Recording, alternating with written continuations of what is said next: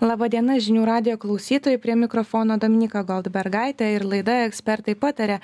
Šiandien su manimi studijoje komunikacijos konsultantė Rita Saunorytė Norutienė. Labadiena. Sveiki.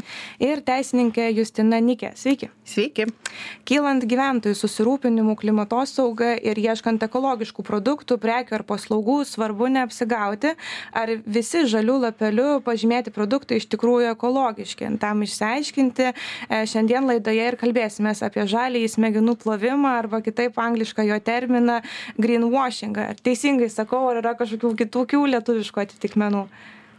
Tai ekologinis manipuliavimas turbūt yra vienas iš tų terminų ir aplinkosauginis veiksmingumas dabar įvedamas toks terminas teisės aktuose.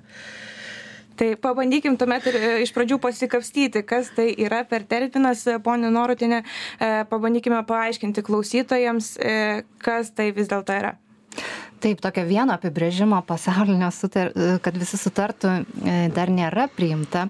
Ir labai skirtingai aiškina greenwashingą bet e, toks bendras priimtas e, manymas yra kad tai yra tokia praktika kai įmonės nori atrodyti tvaresnės nori atrodyti žalesnės negu yra iš tikrųjų. Ir jos daugiau pinigų skiria reklamuoti save arba produktus kaip žalius ekologiškus negu kad iš tikrųjų keistų savo veikimo būdą į tvaresnį. E, kuo tai yra blogai? Apsitai, vartotojui, verslui, kuom, kuom šitas reiškinys gali pakengti? Tai žiūrint bendrai, tai klaidinanti reklama yra draudžiama reklama, nes reklama, jinai skatina pirkti, tai jeigu yra, jinai klaidina vartotoją apie tai, kad, na, netoks yra aplinkosauginis veiksmingumas, ką mes patalpinam po šituo terminu, tai kad prekė daro teigiamą poveikį aplinkai, kad nedaro jokio poveikio aplinkai, kad daro mažesnį poveikį aplinkai negu kiti produktai, tai yra pardavimų skatinimo priemonė. Jeigu vartotojas pasirenka prekę dėl klaidinančio teiginio, tai jo pasirinkimas pirkti yra nelaisvas, ne pat, nes jis tikėjosi vieną, gavo kitą. Tai va čia ir atsiranda ta didžioji problema. Ar galima e, taip teikti, kad e, toks reiškinys ne tik išvilioja galbūt pirkėjų pinigus, bet ir kenkia kovai su klimato kaita, ponė Norotinė, kaip galvojate? Tai be abejo kenkia tikrai ir tikrai net neskatina ir pasižiūrėjau vakar dar naujausius skaičius mes šiemet išmetėm e, na kenksmingų dujų išmetimas auga. Vis dar auga nepaisant to kad tikrai įmonės deklaruoja kad jos elgiasi tvariau. Na. E, piknaudžiavimas augančių visuomenės susirūpinimu aplinkosauginėmis e, e, problemomis. Ar iš tikrųjų žmonės yra labiau susirūpinę šiuo laikotarpiu ir kiek verslams turbūt svarbu išlaikyti tą tvaraus verslo įvaizdį? Tai čia turbūt reikėtų išskirti du aspektus apie vartotojus ir susirūpinusią visuomenę, gal rytą papildys, bet bendrai žiūrint reguliavimas, na, šiandien jis jo nėra daug. Mes turime aiškias taisykles kaip turime naudoti ekologinius ženklus a prekėms tokią gėlytę europinę a taip pat tuos žalius lapelius kai kalbam apie ekologiškus maisto produktus tai yra aiškios taisyklės turim bendrą reikalavimą kad na reklama jinai būtų konkreti aiški neklaidintų bet daugiau tų taisyklių kaip ir nėra tai iš vartotojų pusės na tas reguliavimas yra nepakankamas kad tai sustabdyti na kalba Europos komisija apie tai plačiai ir mes jau turime ne vieną iniciatyvą. Vakar, pavyzdžiui, priimtas yra direkt, priimta direktyva dėl informacijos apie tvarumą teikimą. Pirmas žingsnis turėsim atskleisti informaciją apie tvarumą ir čia jau ne tik apie, apie aplinkosauginius aspektus, bet ir apie darbuotojų gerovę, korupcijos ten indeksus ir, ir, ir kitą informaciją. Kokią informaciją tiksliai dar kitais metais sužinosime. o iš vartotojų pusės taip pat eina tokia direktyva kovo mėnesį buvo priimta dėl vartotojų įgalinimo žaliojoje pertvarkoje. Jinai liečia vartotojų teisių apsaugos direkty na direktyvą ir nesąžiningos komercinės veiklos. Tai ką uždraus uždraus labai konkrečius veiksmus e, ateityje kai bus priimta. Kalbėti apie na produktus kad jie yra visiškai žali jeigu žalia yra tik dalis pavyzdžiui tik pakuotė. A kalbėti apie tai apie būsimą ekologinį veiksmingumą kalbėti bendrais teiginiais kad na ten yra skaidus produktas. Tada reikės pasakyti per kiek suyra na atsiras lab aiškesnės taisyklės ko vartotojas gali tikėtis. Tai kol kas tokių taisyklių dar nėra, čia tik tais ateityje laukiant direktyvą. Dabar mes viską bandom, bandome sudėti į neklaidinimo savoką. Ateityje bus aiškios taisyklės, o šiandien nuo konkreti, aiški, patikrinta informacija ir bandome pagrysti yra ar nėra. Vartotojų organizacijos vis dažniau na, kelia šitos klausimus vartotojai aktyvesni na tai čia rodo tas šveicarijos pavyzdys. A na e, šiuo metu septyni net procesai pradėti yra dėl pasaulio futbolo čempionato nes fifos būstinė yra šveicarijoje. Tai ten pradėti procesai dėl grynvašingo kai pasaulio futbolo čempionatas pasiskelbė na plačiai reka reklamavo save kaip aplinkai neutralus pirmasis aplinkai neutralus čempionatas. Bet spėju, toks nėra. Nusavo, kad labai neteisingai uh, skaičiavo aplinkosauginį poveikį. Ne, ne, labai daug dalykų liko neįvertinta ir tada tas kompensavimo mechanizmai jie nėra teisingi. Tai ar teisingi ar neteisingi, faktas bus atlikti tyrimai ir kažkokias išvadas turėsim. Kol kas tai tik inicijuoti pro, procesą į vartotojų organizacijose, inicijuoti konkurencijos uh, institucijose Šveicarijoje. Tai, ponė Rita, apie verslų įvaizdį. E, tvarus verslas, ar tai svarbu dabar ar ne? Taip, iš tikrųjų tai yra svarbu, nes ekologija parduoda ir tyrimai rodo, kad uh, visam pasauly e, maždaug apie šešiasdešim procentų žmonių sutinka mokėti daugiau na čia labiau apie išsivysčiusį pasaulį kalbam e, sutinka mokėti daugiau jeigu prekė yra tvari arba ekologiška. Tai tarp jaunų žmonių tas e, poveikis yra dar didesnis tai apie aštuoniasdešim procentų žmonių na vertina ekologišką produktą ir sutinka mokėti daugiau. Lietuvoj mes turim na gal trečdaliu mažesnius skaičius kiek man pavyko rasti tų skaičių tai maždaug apie keturiasdešim procentų visų gyventojų domisi tuo skaidrumu skaidrumu įmonių ir apie 60 procentų jaunų žmonių domisi.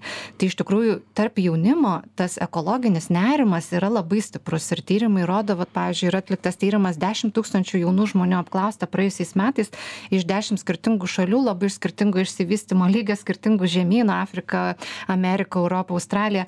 Ir e, virš aštuoniasdešim procentų žmonių sako kad jaučia nerimą dėl e, aplinkosaugos. Labai stiprų nerimą jaučia apie šešiasdešim e, procentų žmonių. Pusė žmonių e, tai veikia jų kasdienybę.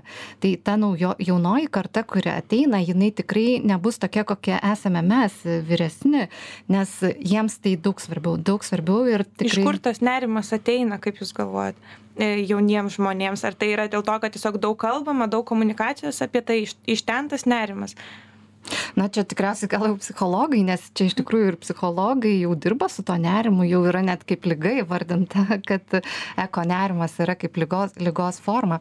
Tai mm, iš kur tai ateina matyt tikrai jiems tai rūpi ir jie turi tą baimę, kad, kad neliks tos planetos.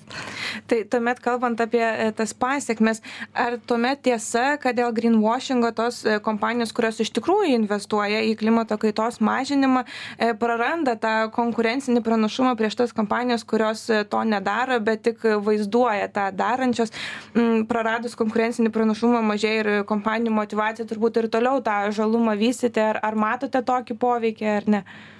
Aš tai sakyčiau, kad ilgalaikiai perspektyvai iš tikrųjų tie verslai, kurie e, tvariai rūpinasi, matuoja savo aplinkosauginį poveikį, būtent jie ir laimės. Tik tais jiems reikia pereiti tą, tą dabartinį perinamąjį laikotarpį, kai iš tikrųjų ta konkurencija yra šiek tiek laukinių vakarų sąlygom.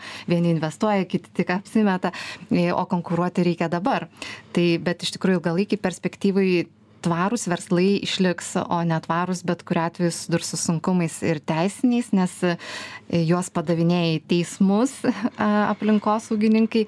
Pavyzdžiui šelas yra paduotas į teismą ir teismas jį įpareigojo sumažinti išmeta išmetimus e, čia per maždaug penkerius metus apie trečdalį. Tai jau yra tokie precedentai e, aplinkosaugininkai vat pavyzdžiui greta thunberg praeitą savaitę padavė švedijos vyriausybę į teismą tam kad jie kelia per mažus aplinkosauginius tikslus tai čia ateis ir į lietuvą. Aišku klausimas kada.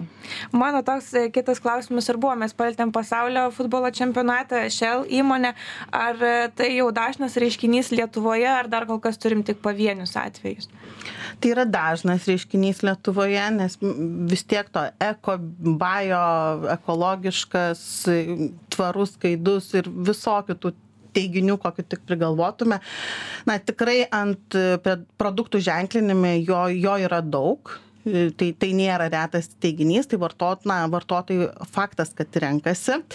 Ar tai mes turime pro, procesų dėl teisinių dėl tų tai yra nuskambėjus viena byla neste kada buvo nubaudusi vartotojų teisių apsaugos tarnyba dėl dėl klaidinančios reklamos susijusios su žalesniais degalais bet tai nėra daug procesų. Ir netgi europos komisijos atliktos apklausos čia prieš porą metų buvo inicijuotos būtent vartotojų teisių apsaugos tarnyba lietuvoj atlikinėjo na lietuvos vartotojas jis nelinkęs skųstis dėl to kad jis yra suklaidintas. Tai arba jisai geriau informaciją atsirenka labiau domisi, daugiau žino, arba jis tiesiog nelinkęs na, iš, išsakyti tos, na, kol kas. Na, tendencijos rodo, kad pas mus šiek tiek vėluojant tam tikros tendencijos ateina, tai manau, kad ateityje, ypač kaip dabar mes pastebime daugiau ir tų žaliaisiais vadinamų ženklų ir sertifikavimo ženklų, nesertifikuotų ženklų naudojimo. Tai va čia irgi ateityje na turėtų susiklostyti praktika kaip mes naudojame tuos ženklus e, kad kokios pakuotės yra žalios, ką mes tai vadiname, kai vartotojas bus išedukuotas, tai tada viskas ir aiškiau bus. O kodėl Lietuvoje daug tų atvejų? Ar per maža teisinė atsakomybė laukia tų įmonių? Teisinė atsakomybė nėra maža, nes jinai yra susijęta su pajamomis. Mes kalbame vis tiek apie iki 3 procentų pajamų gali būti skiriamos baudos už klaidinančią reklamą. Tai atsakomybė nėra maža. Problema yra galbūt, na, tai, kad nėra inicijuojama procesų, vartotojai nesikreipia, tai automatiškai uh, nėra pradėta, na, nėra atsakomybės taikymo atveju, kai nėra atsakomybės taikymo atveju, galvojam, kad visi esame, na, verslas gali sauliaisti galvoti, kad tas yra nebaudžiamas. Uh, bet atsakomybės na kaip ir bet kuriuo kitu klai na reklamos atveju jinai jinai yra didelė ir ir varto ir verslai turėtų pasverti ar tikrai galės pagrįsti kiekvie e, kiekvieną teiginį kurį jie pasirenka naudoti. Čia dar pasakysiu kad na mes turime dabar tų įvairių ženklų ant pakuočių naudojamų na ir čia va sertifikuotas nesertifikuotas mums ką ką sako ko nesako. Tai šiandien nėra praktiko na yra praktika sertifikuoti ženklai. Jie reiškia kad mes atitinkame kažkokias savybes e, juos jų naudojimą prižiūri ten gulbės ženklas ir, ir panašus ženklai. Tai jų prižiūri organizacijos yra e, nevyriausybinės ir prižiūri, kaip jie yra naudojami, kaip ženklinami. Bet e, var, verslas yra laisvas susikurti savo ženklus ir juos naudoti ant pakuočių ir tada nelabai supranti, vartotojas gali nelabai suprasti, ką tai reiškia. Tai ateityje, na, su naujais teisinio reguliavimo pakeitimais ta praktika turės išnykti, bus leidžiami tik sertifikuoti ženklai. Tai arba vyriausybė turės patvirtinti tos ženklus, arba nevyriausybinės tokios asociacijos, organizacijos prižiūrėti naudojimą būtent tvarumo aplinkosauginių ženklų. O dabar pats žodis ekologiškas, tas terminas, jis kažkaip yra įteisintas, kada jį galima naudoti, ar, ar irgi dar to neturime? Ekologiškas taip. Ekologiškas mes labai aiškiai esame nusistatę reikalavimus. Eko, bio ir ekologiškas tai yra vienas, nu, mums reiškia tą patį ir mes turime labai aiškias taisyklės, kada šitas terminas gali būti naudojamas. E, jis yra naudojamas tik maisto prekiams, paprastai ir jos turi atitikti, jos tikrai turi atitikti tam tikras gamybos taisykles. 90, jeigu produktas yra perdirbtas, 95 procentai produktų turi būti pagaminta iš ekologiškų produktų. Yra sertifikavimai, pas mus atlieka ten e, ekoagro sertifikavimus. Ir jeigu turi sertifikatą, gali naudoti tą ženklą, neturi sertifikato, negali tos prekės vadinti ekologiškai ir naud, išžymėti, tarkim, maisto produkto tuo žaliu lapeliu. E, Ecolabel e, kitoms prekėms irgi ta gėlė yra specialiai turi būti registruota, įtraukta į registrą, kad galėtų būti ženklinama. Tarkim, tualetinis popierius su gėle reiškia, kad jis yra tvarus. Lietuvoje yra 474 ženklai, ženklai, prekės, produktai, kurie gali būti ženklinami, ne maisto produktai, kurie gali būti ženklinami būtent ekologiškai. Tai daug ar mažai? Mm, mažai. Turim iš viso Europoje tokių ženklų 87 tūkstančius. Su trupučiu rugsėjo mėnesio duomenimis, tai 434, na, nėra daug, ta būtent lietuviški ženklai, bet Nu, čia reiktų pridurti, kad vienas iš jų yra grytas tualetinis popierius ekologiškas, kuris iki šiol turi tą ženklinimą, nors iš tikrųjų pati įmonė yra pripažinta kaip aplinkos teršėja. Tai irgi tai labai na, kompromituoja tą, tą ženklinimą ir vartotojai iš tikrųjų nebepasitikės, jeigu vat, bus, na, nebus kontrolės mechanizmų ir taip toliau. Tai, tai mes atskirti turime. Mes sertifikuojame produktus, o ne gamintojus. Na, gamintojas gali į savo liniją ir turėti vieną ekologinį produktą savo asortimente. Aš kaip tik norėjau klausti, ponė Rita, gal turi daugiau e, pavyzdžių greenwashingo e, Lietuvoje ar, ar, ar pasaulyje, kokiame verslo sektoriuje tas pasitaiko galbūt dažniau, kur klientai turėtų būti atidesni? Taip, tai pavyzdžiui, iš tikrųjų kalbėjome apie pasaulio čempionatą, tai vienas iš e, tokių su Lietuva susijusių pavyzdžių. Vat vakar paskaičiau, kad e, viena iš Lietuvos įmonių gamino mikroautobusus e, pasaulio čempionatui ir jie buvo pagidaujama, kad jie būtų juodi, nes visas transportas yra čempionate juodas. Tai yra, na, akivaizdžiai netvarus sprendimas ir tai yra akivaizdžiai greenwashingo pavyzdys, nes tokio klimato, klimato zonai tu negali naudoti juodų transportą, nes tai didina E, sunaudojamo kūro sąnaudas, e, e, nes jis labiau kaista saulėje ir reikia daugiau sunaudoti degalų, kad jį atvesinti viduje orą. Tai yra va akivaizdus vienas iš mažų pavyzdžių, kodėl, kodėl pasaulio čempionatas yra na, totalus greenwashingas, nes esminis momentas yra, kad įmonė nebūtų apkaltinta greenwashingu, tai reiškia, kad keisti savo praktiką savo gamybos praktiką savo produktus sudėtį kad jinai būtų tvaresnė. Tai reiškias kad darytų mažesnį poveikį aplinkai.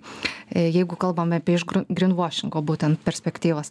Tai pavyzdžiai pavyzdžiui tarkim praėjusiais metais HSBS e, bankas e, Junktiniai karalystiai pradėjo tokią kampaniją reklamos, kad pasodins 2 milijonus medžių tam, kad būtų ten surinkta CO2 ir jie buvo apkaltinti greenwashingu ir jie nutraukė tą reklamos kampaniją. Na atrodytų labai kilnus tikslas pasodins daug daug medžių jie tikrai surinks anglies dvideginį bet esminis momentas yra tas kad bankas nekeičia savo politikos finansavimo politikos kas yra jų tiesioginė veikla.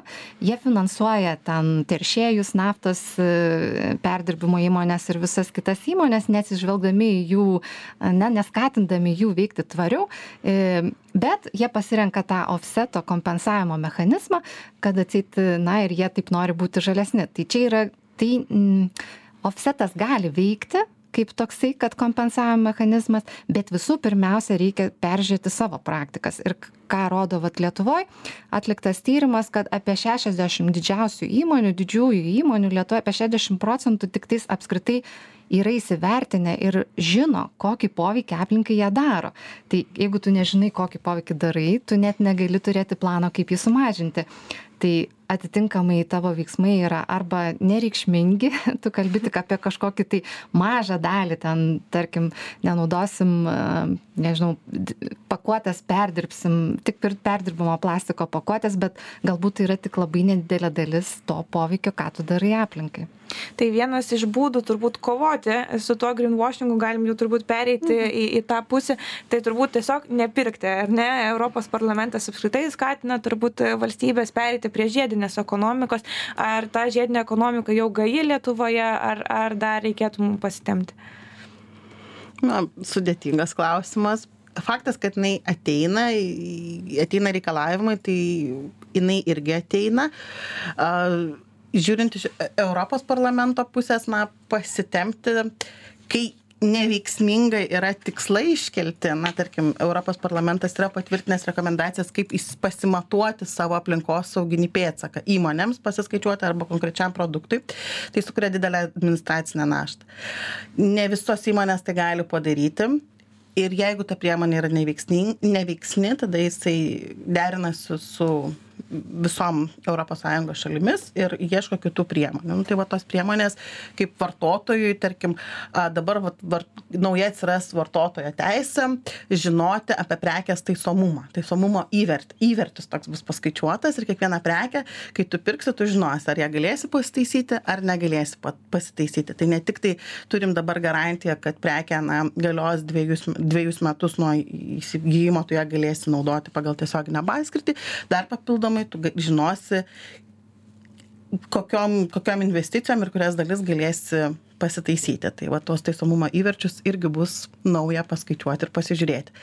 Manau, kad tai taps labai tokia paprasta praktika ir kasdienoj tai bus labai naudojamas dalykas. Dabar, kai perkame elektroniką, matome tokias lenteles, kur nu, kiek, kiek tvaru, kiek ekologiškai veiksmingas gal tai yra tas, tas mūsų prietaisas, kiek jis energijos sunaudoja. Tai pa, panašiai turbūt bus žymima kiekviena prekė. Na ir tuomet judant link pabaigos, kaip verslams komunikuojant neapgauti, o vartotojams neapsigauti. Po paskutinį galbūt patarimą pradėkime nuo jūsų, ponė tai aš tai patarčiau verslam vis tik ne nenorėti būti žalesniem arba tvaresniem negu jie yra iš tikrųjų ir stengtis kiek įmanoma labiau tikrai iš tikrųjų suprasti kokį poveikį jie daro ir kaip jie gali jį mažinti.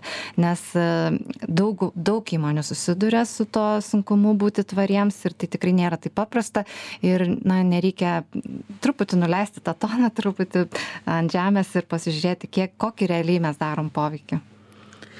Tai aš taip palaikydama tiesiog ritos nuomonę turbūt irgi pasakysiu kad kai susiduriame su žalia reklama tai turime kalbėti konkrečiais teiginiais aiškiai komunikuoti tiek naudą aplinkosauginę, kurią gauna vartotojas, tiek mastą tos naudos, galėti pagrysti tuos duomenis tyrimais, skaičiavimais, na, kažkuo ir nuolatos tikrinti. Nes jeigu šiandien šis sprendimas yra galbūt apli aplinkai naudingesnis rytoj jis gali būti bendra praktika ir tada tavo teiginys kad tu esi žalesnis kažkuriuo aspektu jau gali klaidinti vartotoją Ačiū labai e, už Jūsų pasidalėjimus. Žinių radio klausytėms primenu, kad laidoje dalyvavo komunikacijos konsultantė Rita Saunorytė Norutienė ir teisininkė Justina Nikė. Prie mikrofono buvo Dominika Goldbergaitė. Likite prisijungę.